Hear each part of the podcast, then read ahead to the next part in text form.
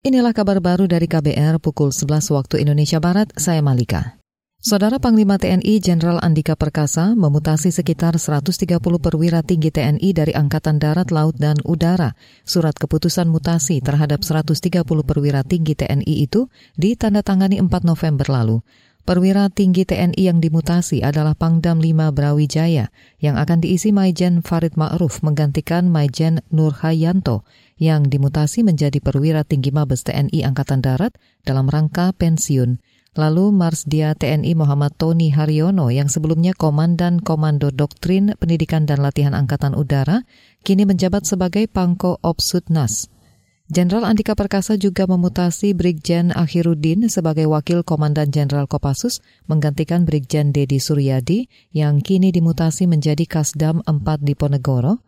Dari 130 perwira tinggi yang dimutasi, 19 di antaranya memasuki masa pensiun. Salah satunya Maijen Nur Hayanto yang sebelumnya menjabat Pangdam 5 Brawijaya.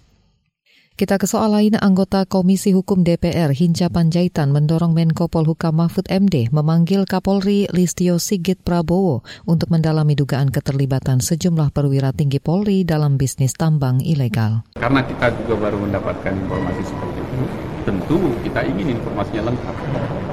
Pastilah kami di Komisi 3 punya bidang pengawasan. Tapi pengawasan dari Komisi 3 berbeda dengan dengan dia. Kalau dia pasti atasan sama-sama jalur eksekutif.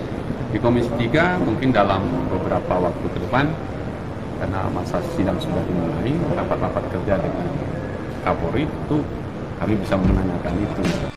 Anggota Komisi Hukum DPR Hinca Panjaitan menambahkan, DPR akan terus mendalami dugaan penyetoran uang hasil tambang ilegal kepada sejumlah petinggi Polri. Sebelumnya, Kepala Bareskrim Polri Agus Adrianto dilaporkan ke Divisi Propam terkait dugaan menerima aliran dana tambang ilegal di Kalimantan Timur dari Ismail Bolong. Laporan itu dibuat Ketua Majelis Jaringan Aktivis Pro Demokrasi Iwan Sumule. Iwan mengklaim memiliki dokumen penyelidikan polisi yang memuat dugaan aliran dana tersebut tersebut. Dalam dokumen itu ada cukup bukti terjadi penerimaan uang koordinasi ke Kabareskrim Polri.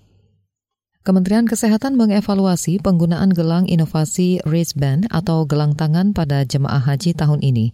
Wristband merupakan alat yang digunakan untuk mendeteksi kesehatan jemaah haji resiko tinggi. Alatnya dikenakan di tangan seperti layaknya mengenakan jam tangan. Menurut Kepala Pusat Kesehatan Haji Lili Mahendro Susilo, wristband bisa mengirimkan data vital kesehatan jemaah resiko tinggi secara real time. Wristband ini uh, terintegrasi dengan telejamaah dan dia bisa mengirimkan data vital kesehatan dari jemaah itu secara real time gitu. Sehingga kita bisa memonitor uh, kondisi kesehatan dari jemaah-jemaah yang resikonya sangat tinggi pada saat itu. Kepala Pusat Kesehatan Haji Lili Marhendro Susilo menambahkan, gelang inovasi wristband dipakai pada 3.000 jemaah haji yang tergolong resiko tinggi karena menderita sakit jantung dan hipertensi. Saat jemaah haji tersebut mengalami gangguan kesehatan, tenaga kesehatan yang berada di sekitar jemaah bisa langsung melakukan tindakan medis. Demikian kabar baru dari KBR, saya Malika.